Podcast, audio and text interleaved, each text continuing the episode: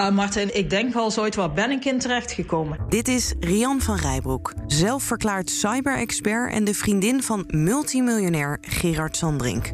Je kan haar kennen van Nieuwsuur, waar ze vertelde over geldspuwende pinautomaten, of misschien van de smart blockchain waarvan wij niet begrepen wat het was en waarvan Rian van Rijbroek ook niet bleek te kunnen vertellen wat het was. Sinds Rian van Rijbroek in het leven is gekomen van Gerard Sandrink, is alles anders. Zowel privé als zakelijk. Hij ziet zelf ook echt wel een verandering die er geweest is.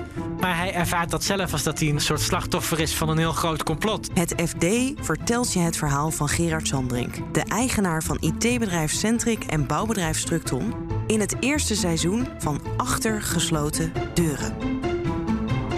Vanaf 28 april beluister je de afleveringen in je favoriete podcast-app. Abonneer je nu alvast om niks te missen.